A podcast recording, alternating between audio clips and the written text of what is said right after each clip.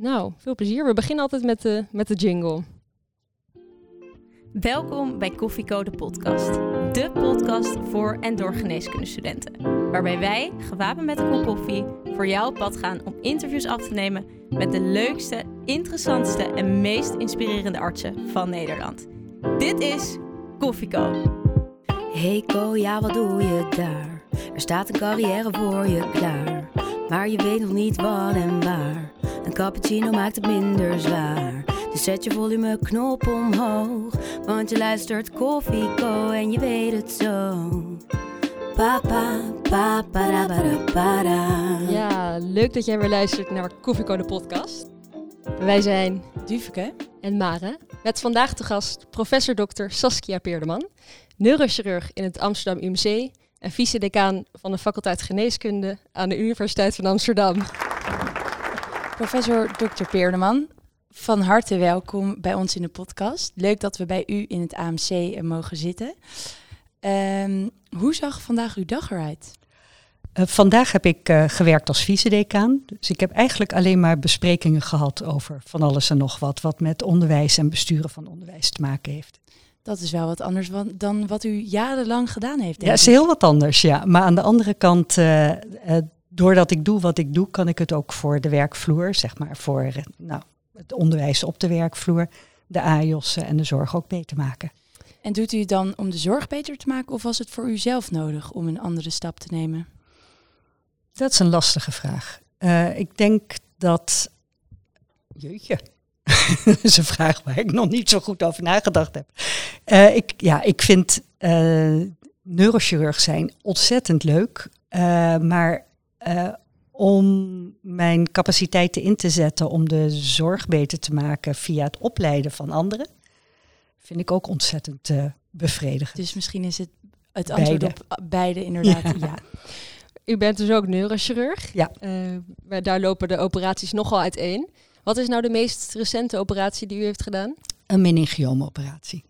Is dat ook uw favoriete operatie? Dat is mijn favoriete operatie, ja. Ik vind uh, ja, meningioom vind ik gewoon fascinerende type tumoren. Goed aardig, maar toch met een enorme impact op, uh, op de mens. En dan uh, nou ja, besluiten wanneer en of en hoe je opereert. Wanneer je stopt met um, risico nemen om hem wel of niet weg te halen. Dat vind ik ja, bijzonder uitdagend en ook bevredigend. En zou u ons eens mee kunnen nemen hoe zo'n operatie er dan uitziet?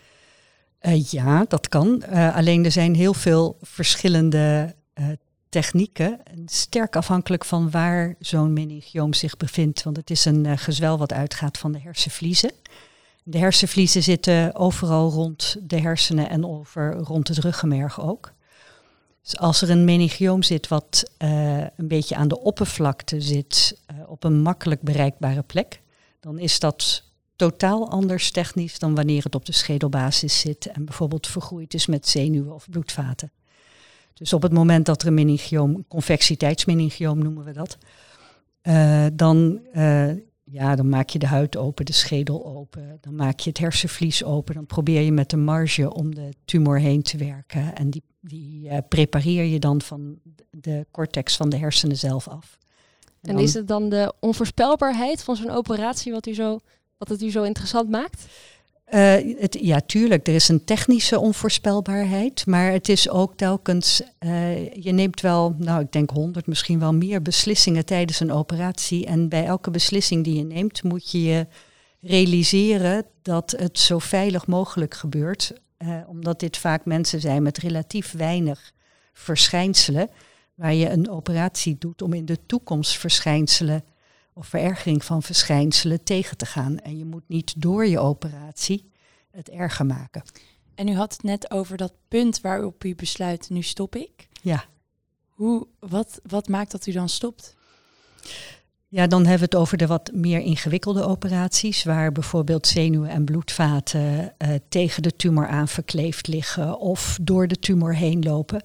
Dat heeft te maken, denk ik, met ervaring. Het risico wat je inschat, wat er kan gebeuren als je een volgende stap neemt. En vaak uh, heb je een groot deel van de tumor weggehaald, ben je dus al een hele tijd bezig. En dan zitten de hoogste risico's bij de laatste stukjes van de tumor. En op dat moment moet je eh, ja, gewoon met een heleboel factoren rekening houden. Of je de stap neemt om het risico te nemen om iemand ja, misschien helemaal van zijn tumor te verlossen. Of misschien toch ten uh, tegen de prijs van een, een hersenzenuwuitval. En als u dan besluit om te stoppen, denkt u dan, goddank, klaar? Of, ach, ik had eigenlijk nog net iets verder willen gaan. Vaker dat laatste. ja. Vaker dat laatste, ja. U bent een ervaren neurochirurg, maar ooit begon u als AJOS en kon u die keuzes misschien wat moeilijker maken. Hoe, wat is uw ervaring met deze soort operaties toen u AJOS was? Ja, dat bouw je op. Ik denk dat ik gewoon met de eenvoudige begonnen ben en dan steeds verder. En in het begin uh, is er bij de ingewikkelde OK's altijd een supervisor aanwezig. En de supervisor kan je ook um, helpen om volgende stappen te nemen op het moment dat je zelf aarzelt. Dus ik denk dat ik, als ik alleen geweest was, dat ik uh, die risico's die ik nu durf te nemen, toen niet genomen had. En dat is ook door uh, weten dat je uh, technisch ervaren genoeg bent om dat te doen. Maar ook te weten dat sommige weefsels beter tegen bepaalde handelingen kunnen dan andere. En wat maakte dat u voor de neurochirurgie koos? Het is een combinatie van fascinatie voor hersenen in het algemeen. Ik vind functioneren van hersenen vind ik gewoon echt fascinerend. Nog steeds? Nog steeds, ja, absoluut. En uh, de mogelijkheid om daar chirurgisch, uh, uh, met chirurgisch handelen ook te genezen, te verbeteren, te kunnen ingrijpen. Dus er waren twee dingen waarvan u dacht, dit is het. Ja. Maar dan was er wel een cultuur waar bijna alleen maar mannen werkten. Ja. En toen dacht u nog steeds, dit is het. Ja, ik heb dat nooit echt als een probleem gezien. En uh, zagen zij dat als een probleem? Ja, misschien wel, maar dat, uh, uh, ja, ik heb me daar niet zo heel veel van aangetrokken. Ik heb als expat vroeger op heel veel verschillende scholen gezeten, waar ik telkens gewoon het buitenbeentje was. En dan dacht ik van ja, nou dan ben ik hier ook het buitenbeentje. So what? Dat is, dat is iets wat ik altijd al meegemaakt heb. Was u de enige vrouw toen u begon met de opleiding? ik was de vierde in Nederland. De eerste binnen de, hier, de VU. En u bent ook de eerste AIOS neurochirurgie die kinderen heeft gekregen tijdens de opleiding? Nou, vrouw. Vrouw, vrouw. inderdaad. Ja, dat is een goede correctie. Ja. Alle mannen deden dat gewoon. Werd. Ja. Hoe, hoe, was dit voor u? Uh, ja, ik weet niet. Hoe is het om zwaar te zijn? ja. maar liep u ergens tegenaan omdat ze het niet gewend waren? Uh, ja, nou, het, waar ik tegenaan liep was met name het zwangerschapsverlof opnemen.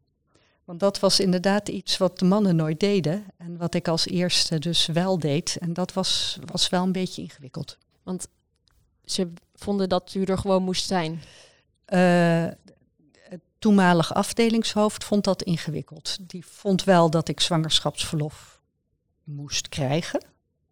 Maar ja, wat doe je dan met zeg maar je menskracht, je personele bezetting en hoe moet dat dan? En wie is dan verantwoordelijk voor het feit dat ik er dan niet ben? En hoe moet dat opgelost worden? En moet ik dat dan oplossen? Als zeg maar de zwangere of nou, dat soort vragen.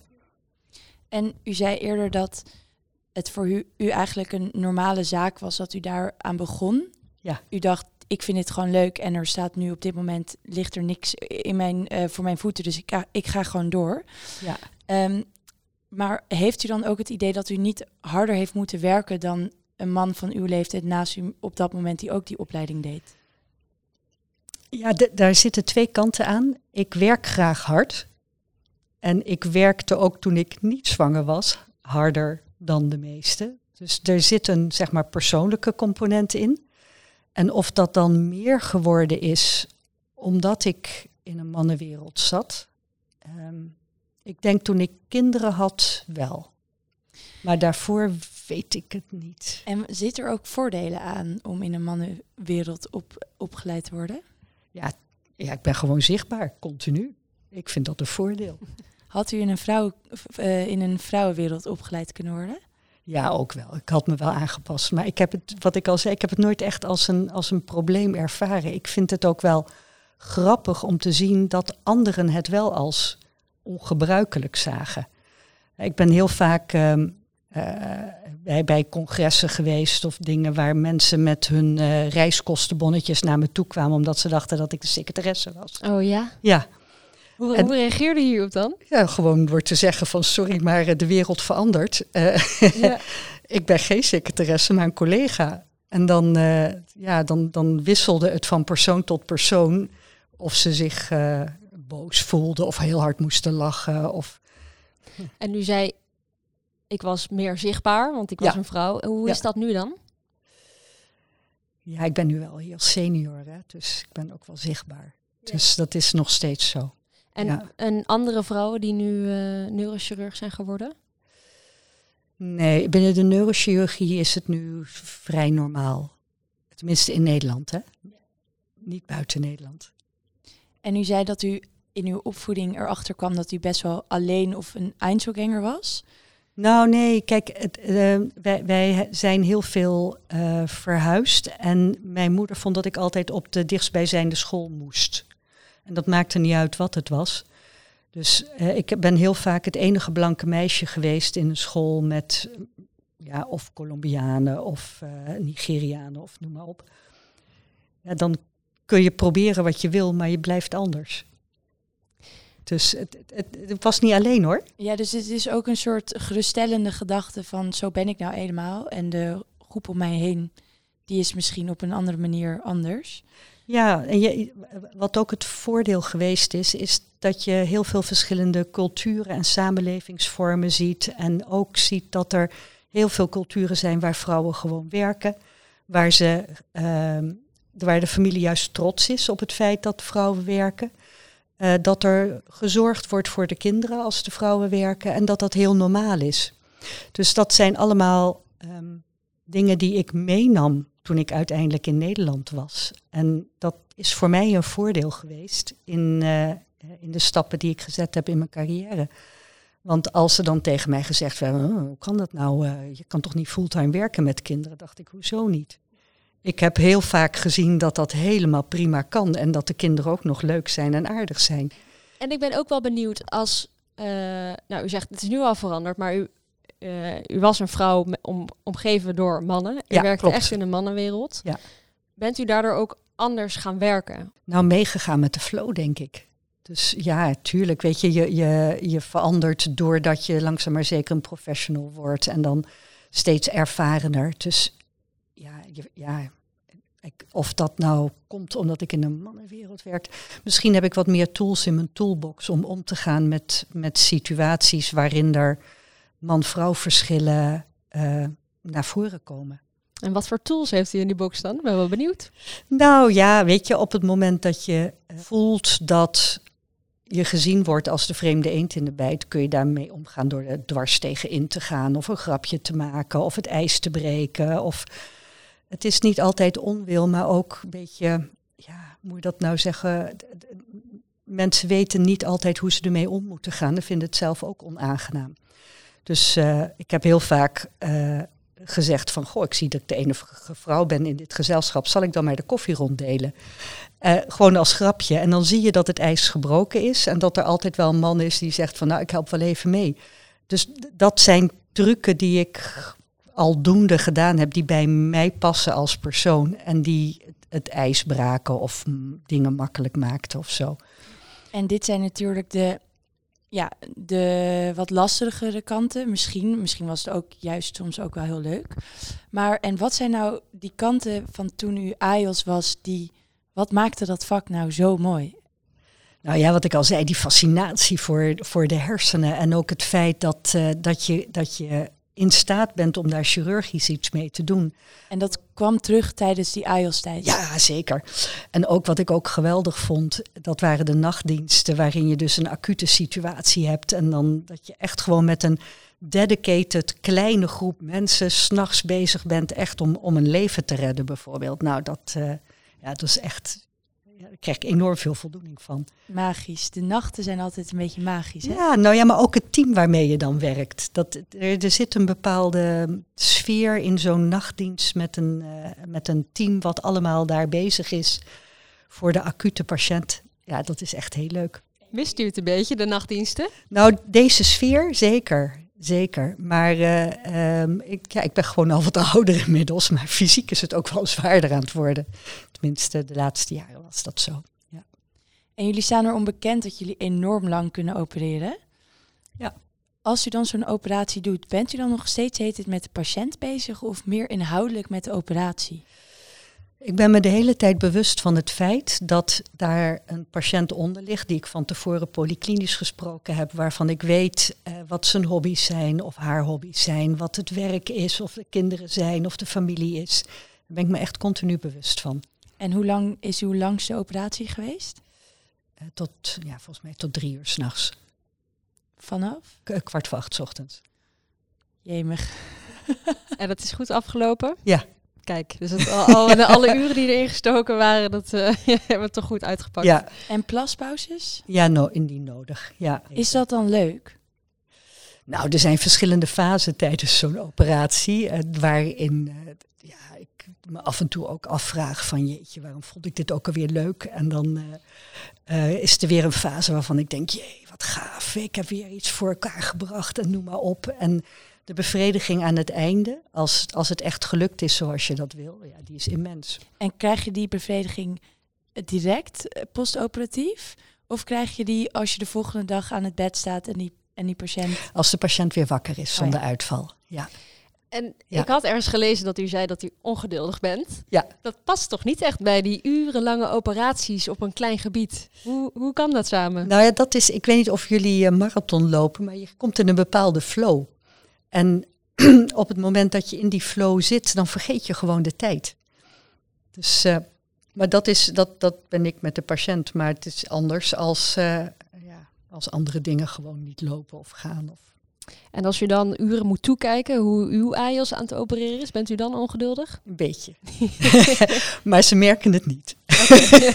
Ik wilde net vragen, hoe uit u dat? Maar u uit het dus niet. Nee. Nou, tenminste, de, Indirect. de, nou, de AIOS zeggen dat ik heel geduldig ben.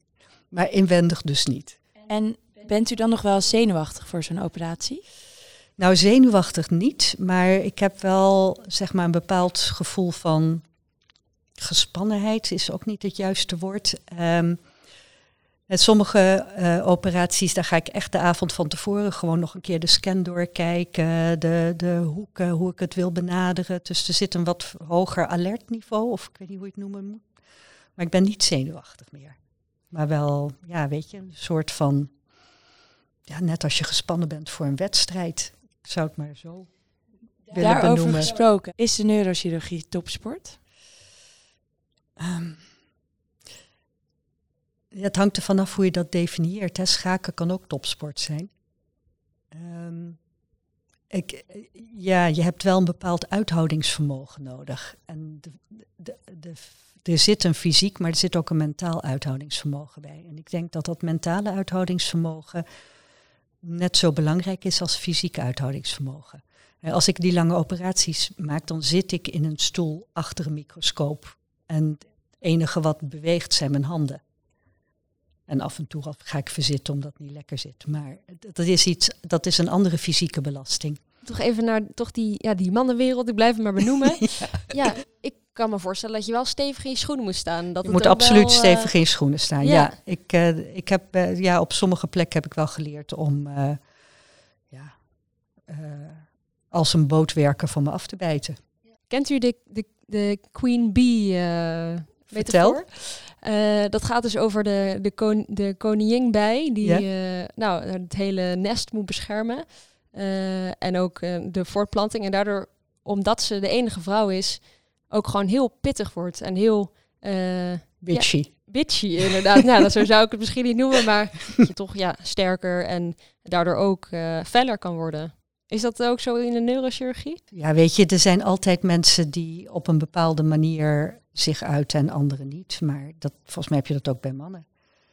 Ik, ja, nee, binnen de neurochirurgie. Ik heb het niet zo opgemerkt. Er zijn altijd eh, mannen die heel graag gezien worden. Er zijn altijd vrouwen die heel graag gezien worden. Er zijn altijd mannen die van zich afbijten. Er zijn altijd vrouwen die van zich afbijten. Maar of dat nou meer prominent is bij de vrouwen in de neurochirurgie, kan dat niet zo zeggen. Nee. Nee.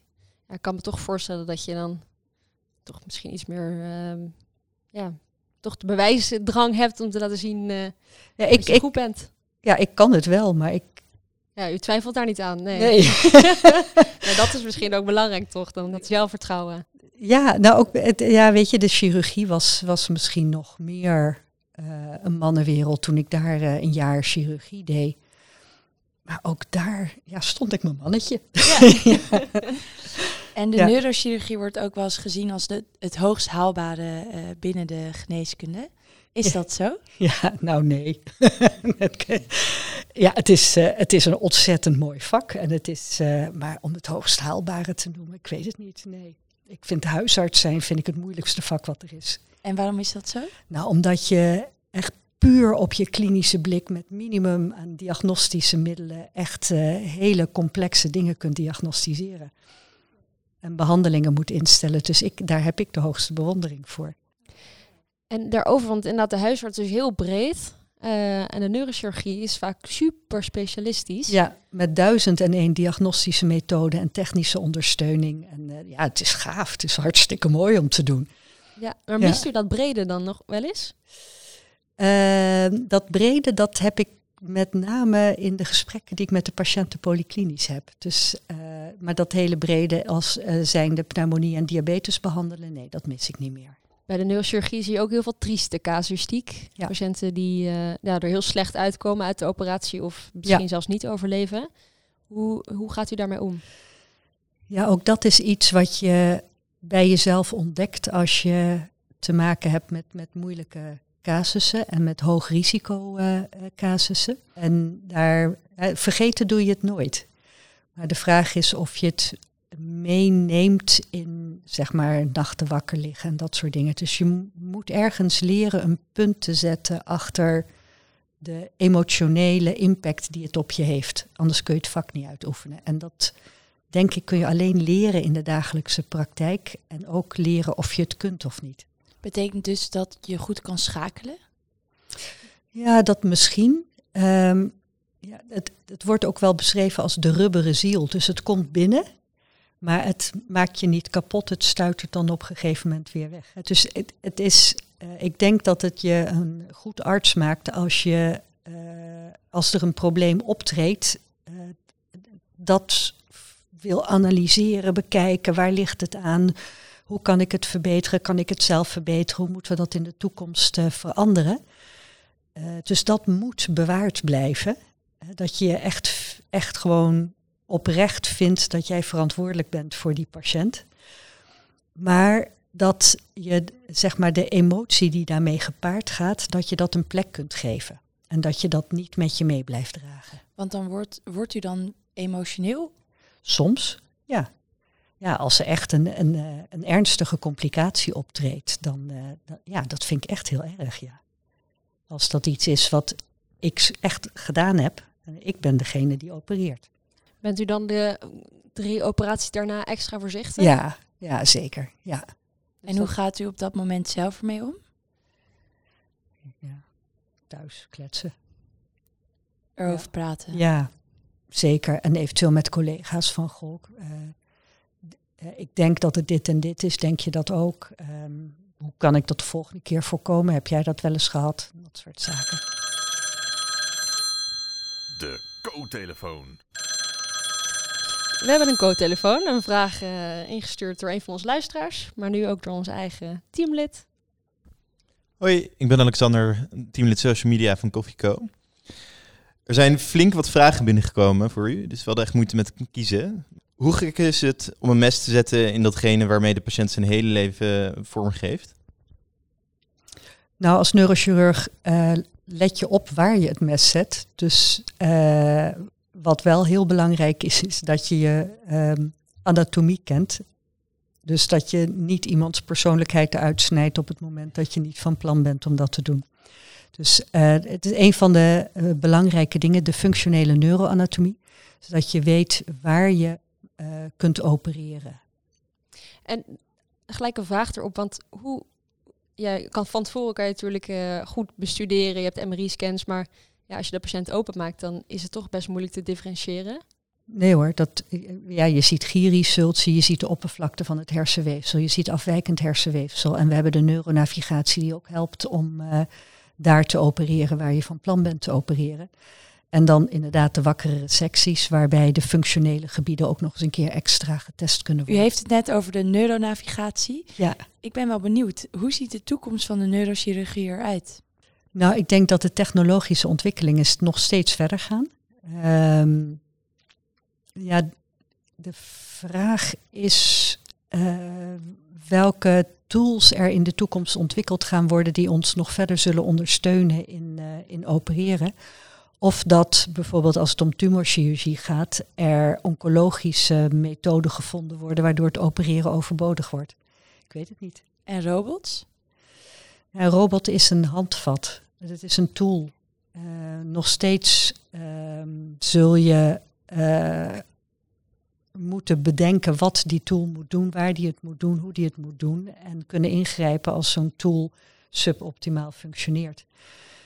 De, misschien, ik weet het niet, voor eenvoudige ingrepen. Maar als ik zie hoeveel verschillende beslissingen er nu genomen moeten worden en hoeveel er nu nog niet zichtbaar is op de diagnostiek vooraf, weet ik niet of dat met een robot nu opgevangen zou kunnen worden. Laten we misschien nog een vraag stellen van een van de luisteraars. Uh, die vraag was: Heeft u tips voor introverten die neurochirurg willen worden? Hoe kan ik bijvoorbeeld opvallen en toch mezelf blijven? Wie zegt dat een neurochirurg extrovert moet zijn? Ik weet niet, het is misschien toch de interpretatie dan die, de, die daarvan gekomen is. Zo zien ja. mensen dus de neurochirurgie. Ja, we hebben heel veel introverte neurochirurgen. Ja, wat, wat bij ons wel het geval is, is dat je uh, meestal eerst een tijd als Anios werkt, om te zien of het vak bij je past. Maar ook talenten of je hebt die nodig zijn om, uh, uh, om neurochirurg te worden. Bijvoorbeeld heel belangrijk dat je met twee ogen diepte kunt zien. Uh, je moet toch ook wel een beetje handig zijn. Um, en dingen als prioriteren, wat ik, waar ik het al over had. maar ook een neuroanatomisch inzicht, 3D-inzicht, handvaardigheid um, om kunnen gaan met stressvolle situaties. Um, het zijn allemaal zaken die je in dat jaar tegen gaat komen, waarbij je als persoon zelf kunt zien of het vak bij je past, maar wij ook kunnen zien of wij denken dat jij bij het vak past. En daar, ja, extrovert maakt niet dat je uh, daarin beter beoordeeld gaat worden of niet. Dus opvallen is denk ik goed, maar op een op ieder op zijn eigen manier. Jazeker, ja. ja. U bent neurochirurg, maar u bent ook heel veel van uw tijd bezig met andere zaken, zoals ja. Het onderwijs. U bent vice-decaan. Ja. Wat doet u precies voor het onderwijs? uh, uh, het gaat met name over het besturen. Dus uh, als vice-decaan van de faculteit geneeskunde ben ik uh, verantwoordelijk voor het reilen en zeilen van de geneeskundeopleiding bachelor-master, de medische informatiekunde bachelor en master en evidence-based practice in healthcare en health informatics. En dat is met name op bestuurlijk niveau. Maar um, dus dat betekent dat ik bijvoorbeeld, ik ben net terug uit Zuid-Afrika, Kaapstad, om te kijken of daar extra kooschappen gelopen kunnen worden. Dat is dus iets wat ik doe. Dus, ik meld me vast aan. gynaecologie, verloskunde en kindergeneeskunde. Klaar. uh, maar dus dat zijn de eerste stappen die je neemt om dat soort dingen te doen. Uh, het gaat over waar willen we ons in gaan onderscheiden als profiel van onze faculteit. En omdat wij medische informatie kunnen hebben, vinden we dat AI en machine learning iets is wat onze geneeskundestudenten ook mee kunnen krijgen. Uh, we vinden leren over grenzen heen heel belangrijk. Dus voor de bachelor zitten we te kijken naar community service learning, waarbij bachelorstudenten dan de stad Amsterdam ingaan met hun kennis over geneeskunde. Om wat te doen dan in de stad? Nou ja, we, daar zijn we nog over aan het denken. Maar je kan je voorstellen dat we bijvoorbeeld in wijkcentra uh, de studenten voorlichting laten geven over obesitas of bloeddruk meten of dat soort zaken. Dus dat zijn ideeën waar we nu mee bezig zijn. Dus uh, als het leren over grenzen heen is, is dat een uitwerking van ons profiel. Uh, nou ja, internationalisering, daar zijn we dus druk mee bezig, wat ik al vertelde. Maar ehm, bijvoorbeeld interprofessioneel samenwerken is ook iets waar de IPE-zaken uh, een onderdeel van zijn. Nou, dat is strategie van een, uh, van een geneeskundeopleiding. Iedereen wordt een goede dokter, maar welk sausje geef je mee? Dat is het eigenlijk. Ja. En als ik u hoor over uw eigen opleiding, ja. dan denk ik, en ook over hoe u zegt dat u heel hard kan werken, dan denk ik, nou dan is dit wel een andere generatie. Ja, is ook zo. Loopt u daar wel eens tegenaan? Nou, ik verbaas me erover, maar uh, het, het, dat, weet je, mijn generatie was ook weer anders dan die van mijn ouders. Mijn moeder is opgevoed bij je bent de vrouw van en je blijft thuis. Ja. Mooi hoe dat uitgewerkt is dan, hè? ja, daarom dus, dit, dit, dat is gewoon, uh, dat is een, een feit. Elke generatie neemt zijn eigen uh, opvoeding en achtergrond mee. En u wilt dus niet per se aan de co-assistent overdragen dat hard werken nou, het is leuk. Dat kan ik wel laten zien. U bent een goed voorbeeld. Ja, het is niet vervelend. Dus uh, ja, soms ben je moe. So what? Soms heb je stress. Ja, so what? En wat, ja. wat vindt u zo leuk aan het onderwijs of daarbij bezig zijn? Oh, ik vind het ontzettend mooi om um, eigenlijk te leren van de nieuwe generatie. Want uh, ja, jullie kunnen van mij leren, maar ik kan ook leren van de, de blik of het perspectief dat jullie meebrengen. En dat is echt heel anders. Ik zit nu ook te denken van, goh, zou ik het weekend dus niet werken? Door ons? Ja. ja. Nou, maar weet je, dat, dat, dat was bij, het is mij bij jarenlang geweest dat ik gewoon ook elk weekend werkte en avond- en nachtdiensten en echt uh, hele volle weken maakte. Maar ja, de nieuwe generatie laat zien dat het anders kan. En dan soms denk ik, goh, misschien moet ik dat ook maar eens doen. Maar dat bijvoorbeeld, maar ook uh, het, het, gebruik van uh, social media, van iPhones, dat soort zaken. Als ik niets niet weet, dan ga ik naar jullie van hoe doen jullie dat? Of nog jonger. ja, van, van, laten zien van uh, wat voor mogelijkheden zijn er. Dat is ontzettend leuk. En als en, u dan jarenlang weekenden werkte, hoe combineerde u dat dan met uw sociale leven? Dat stond een tijd op een laag pitje. Ja, dat kan ik me voorstellen. Ja, je kan je tijd maar één keer uitgeven. Dus uh, dat was uh, de, de, kinderen uh, en het werk. En sociaal leven was er gewoon een tijdje. Kunnen wij dan zo goed worden als u? Nou, dat is, de vraag is of je in de volle breedte van het vak nog steeds zoveel moet doen zoals ik doe. Dus je moet dan eerder kiezen voor een specialisatie. En dan kun je in dat specialistische gebied wel heel goed worden. En je zult toch je uren moeten maken. Dus um, dat is wel een probleem van de toekomst. Hè? Van gaan we alleen nog maar uh, extreme experts opleiden of ook generalisten? Dus gaan we personen opleiden die heel specialistisch worden? Of moeten we personen opleiden die nog een deel generalistisch zijn of niet? Of moeten we generalisten opleiden? Of moeten we zorgen dat in een groep van mensen er generalisten en specialisten zijn? Dat is wel iets waar we over moeten denken. Ook omdat mensen gewoon, de huidige generatie, maar ook de huidige AIOS en de, de specialisten die net klaar zijn, die willen gewoon niet meer de uren maken die ik vroeger maakte. Vindt u dat soms moeilijk? Het is, een, het is gewoon een feit. Uh, het heeft heel veel voordelen namelijk om op deze manier in het leven te staan. Maar ik kan me voorstellen dat het ook soms frustrerend is. Uh, dat u iets wil bereiken, wil uh, studenten AIOS uh, leren en je merkt dat ze niet gewoon die uren maken waardoor ze uh, ja, niet voldoende nee, efficiënt zijn. Nou, wat, wat, ik, wat ik wel irritant vind is dat mensen van tevoren al zeggen, daar ga ik waarschijnlijk moe van worden, dus daarom doe ik dat niet. of daar ga ik zeker stress van krijgen. En dan denk ik van, je hebt het nog niet eens geprobeerd. Ja. Dat, dat vind ik wel irritant. En uit u dat? Soms. Hangt er vanaf uh, wie er voor mij zit. ja, want uh, over studenten gesproken, u bent ook mentor van ja, uh, co-assistenten. Klopt, ja. Nou, daar zeg ik het wel tegen. Daar ja. zegt u het wel ja, tegen. Ja. En wat, wat brengt u die studenten, wat leert u hen? Wat, wat wilt u hen meegeven? Nou, dat ze niet van tevoren al tegen dingen moeten opzien zonder. Uh, het is ook, ook uh, er worden zoveel dingen elkaar bang gemaakt en aangepraat. Dat ik denk van, joh, gaat hier zelf ervaren. En dan ben je een keer moe. So what? En dan heb je het een keer, ben je, ben je, heb je stress. Ja, leer daarmee omgaan. Is daarin ook, want wat, wat ik zelf begreep tijdens mijn uh, coachschap bij de neurochirurgie, dat hiërarchie best nog aanwezig is. Ja, overal. Is, het, is inderdaad op heel veel plekken nog aanwezig. Is dat ook niet soms juist goed?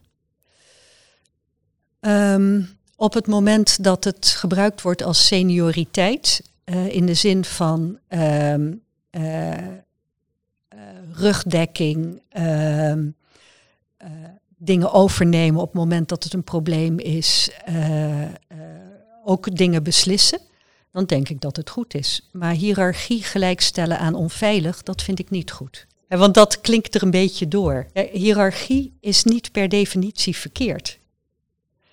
Maar op het moment dat hiërarchie gebruikt wordt om macht uit te oefenen, zodat er onveilige situaties ontstaan, dan wordt het verkeerd gebruikt. Maar het is juist heerlijk als iemand voor jou de beslissingen neemt. Een hiërarchisch meerdere. Dus ik vind, het wel, ik vind een vorm van hiërarchie vind ik wel goed. Ja, ben ik het ook mee eens, ja. U bent hoogleraar Transformative Learning. Ja. Wat houdt dat in? Nou, dat je door leren de gezondheidszorg kunt veranderen. Eigenlijk plat gezegd. Ja. en dat is ook de reden dat, uh, dat ik het zo ontzettend leuk vind om met studenten te werken. Want door, door uh, jonge mensen iets te leren, leg je, uh, plant je het zaadje om de toekomst van de zorg vorm te geven. En u had het net over dat u er nu over nadenkt om misschien komend weekend niet te werken. Hoe Ja. ziet dan uw weekend eruit? Dan komt mijn kleindochter. Oh.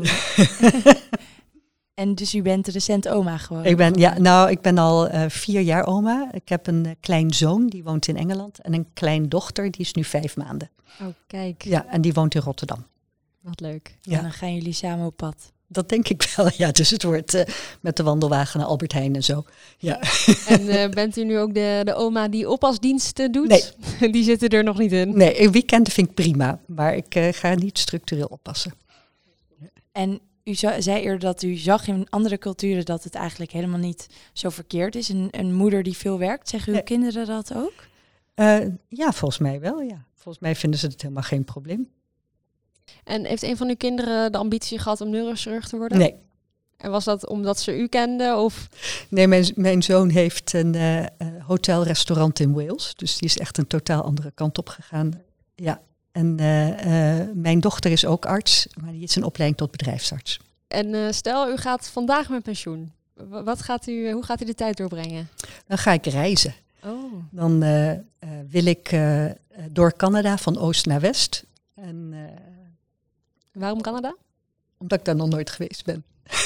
en Australië wil ik rondrijden. En, met de camper? Ja.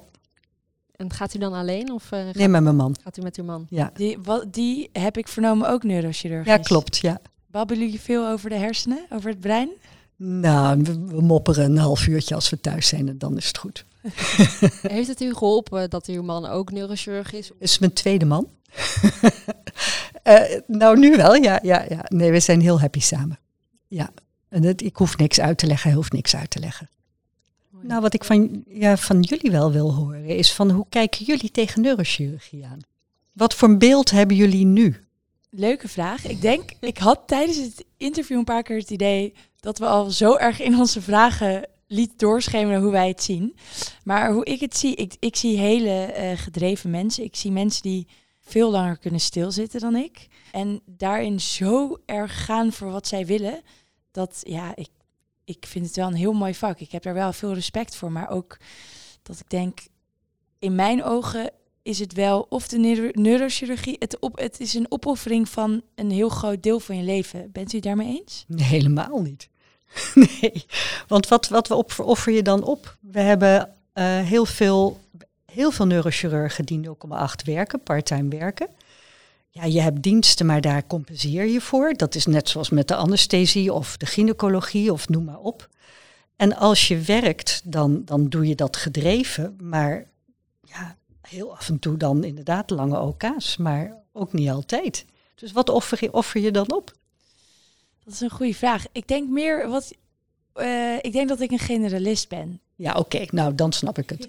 Dus dan Ja, denk ik, ja. oh, dan ben je dus alleen maar bezig met dat ene Ja. eh, schepje daar weghalen in het brein. En ja, dat... Ja, oké. Nee, maar dan, dan gaat het over de inhoudelijke visie, maar niet over je work-life balance of dat soort dingen. Ik denk Nee. soms ook wel omdat het gewoon een populair vakgebied is. Er zijn eh, meer mensen die neurochirurg willen worden dan het kunnen worden. Dat er misschien ook gewoon een beetje bang gemaakt wordt van, nou, als je neurochirurg wordt, dan eh, zien we je nooit meer terug. En eh, ze zijn echt super onaardig. Of dat er ook een beetje, ja, omdat het misschien toch onbereikbaar voelt voor sommige mensen, dat er dan maar eerder ook een negatieve lading overheen komt. En ik heb ook, stel ik een neurochirurg zou bellen voor een vraag over een patiënt, dan neem ik aan dat hij altijd gelijk heeft. Zij. Zij. dat is een hele goede correctie. Dit na een heel interview. ja. En dat heb ik minder bij andere specialisten. Tuurlijk, nu nog wel. Ik ben, ben co-assistent, maar... eh, Nou, dan zou mijn advies zijn van ga eerst even kijken of het daadwerkelijk zo is voordat je eh, blind afgaat op aannames. Maar ook voor jezelf hoor, als het gaat om, om, om werk. Ga niet blind af op wat anderen zeggen dat zo is. En als u nu onze leeftijd had gehad, had uw carrière er dan exact hetzelfde uitgezien? Goh. Ik weet niet. Eh, ik ben ingelood. Ik heb niet bewust voor geneeskunde gekozen. Dus misschien was ik niet eens arts geworden. En wat was u dan wel geworden? Eh, civiel ingenieur. Toch richting Delft gegaan dan. Ja. Dus ik heb geen idee. En als, ja, ik, als ik uitgeloot was, ik weet het niet. Was ik gewoon civiel ingenieur geworden en had ik het waarschijnlijk ook ontzettend leuk gevonden. En als u wel ingelood was, had u dan opnieuw voor, de, voor het meningioom gekozen? Of? Nou, voor neurochirurgie zeker. Ja, want het is toch, het was een soort van liefde op het eerste gezicht toen ik het tegenkwam. Ehm, en ja, ik heb heel veel verschillende aandachtsgebieden gehad gedurende mijn carrière. En ik ben uiteindelijk bij meningiomen als, als pathologie terechtgekomen. Ik denk dat dat wel hetzelfde geweest was.